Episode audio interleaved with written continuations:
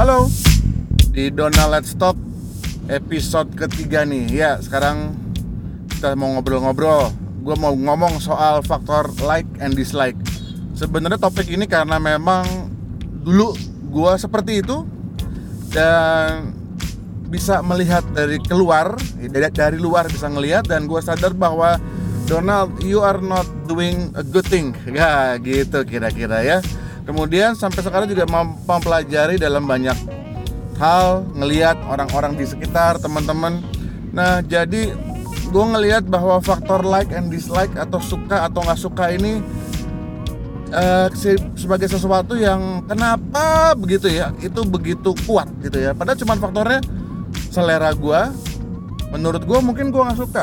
Cuman kan bukan berarti apa yang gue nggak suka itu nggak bagus atau itu jelek Nah kendalanya lagi gue ngelihat bahwa gara-gara faktor like or, or dislike ini bisa teman bisa bisa berantem loh. Itu yang gue waduh kacau banget. Saudara bisa berantem dan kita cuman berantem gara-gara faktor like sama dislike.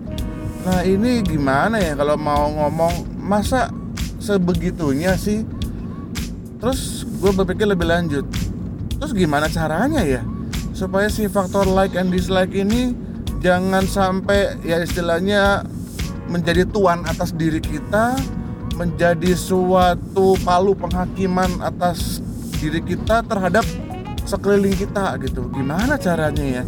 Karena kalau gua perhatiin ya like I said dulu gue kayak gitu. Karena gue berpikir bahwa uh, hidup gua ini gua adalah pusatnya Nah gitu. Yang menurut gua nih ya Dulu gua, gua seperti itu.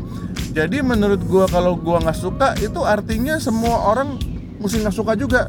Karena ini nggak bagus Karena ini jelek Gitu.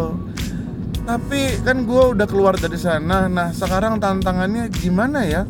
Mau ajak orang-orang di sekitar teman-teman ya. Mungkin kalau orang-orang kebanyakan siapa gua juga gitu. Tapi untuk dalam mengambil keputusannya Itu tidak hanya berat atau hanya berdasarkan karena faktor faktor like or dislike?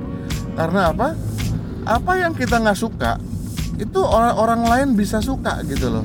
Dan ini masalahnya bukan apa siapa salah siapa benar.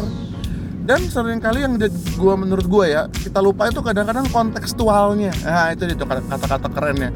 Kontekstualnya bahwa kita boleh suka atau nggak suka sesuatu tapi kalau konteksnya misalnya kita sedang berada di mana gitu ya lagi apa mungkin kita mesti menyesuaikan. Bukan mungkin malah ya harus gitu.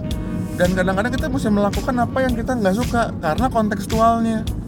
Nah gua rasa ini perlu sebuah kedewasaan karakter ya kedewasaan uh, kepribadian ya kedewasaan pola pikir untuk bisa berpikir.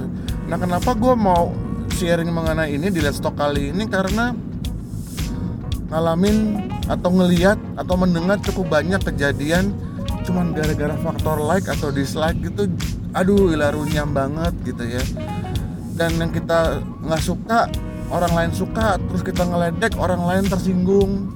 Terus apa yang kita suka orang lain nggak suka kita bela dia jadi pikir kita fanatik jadi berantem nah gue mau ngajak nih di Let's kali ini supaya sama teman-teman yuk kita lebih lihatnya lebih luas gimana gitu. Nah itu dia idenya ya.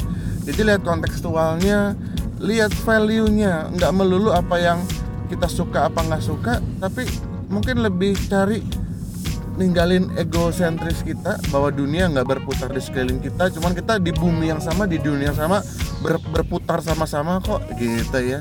Untuk lebih punya wawasan yang luas punya pandangan yang tidak sempit punya pengertian dan understanding untuk memahami value-nya orang, kenapa orang lain berpikir seperti itu, apa sih yang buat dia bagus, apa sih yang buat dia suka. Gue rasa kalau kita mulai belajar bisa seperti itu dalam banyak hal, kita bisa menghemat energi kalau gue bilang. Nggak marah-marah, nggak berantem, atau kadang-kadang boros di uang nu mau nunjukin bahwa apa yang gua suka itu adalah yang terbaik di, di dunia ini gitu ya. Ya itu aja sih mengenai Donald Stock kali ini supaya kita nggak ngomongnya hanya gua nggak suka sih. Teman lebih menjadi orang yang bijaksana yang lebih luas lebih punya sudut pandang yang berbagai macam supaya bisa ngelihat kenapa dia begitu approach seperti apa.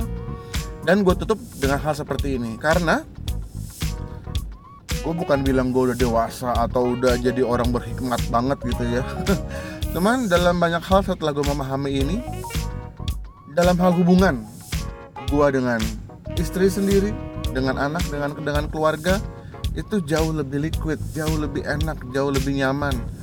Terus juga hubungan dengan tim. Kalau kita ngomong soal dunia kerja terus kalau ngomong soal bicara rekan bisnis ke klien itu jauh lebih enak gitu loh. Jauh lebih guanya nggak ngotot untuk sekedar mempertahankan apa yang gua suka gitu.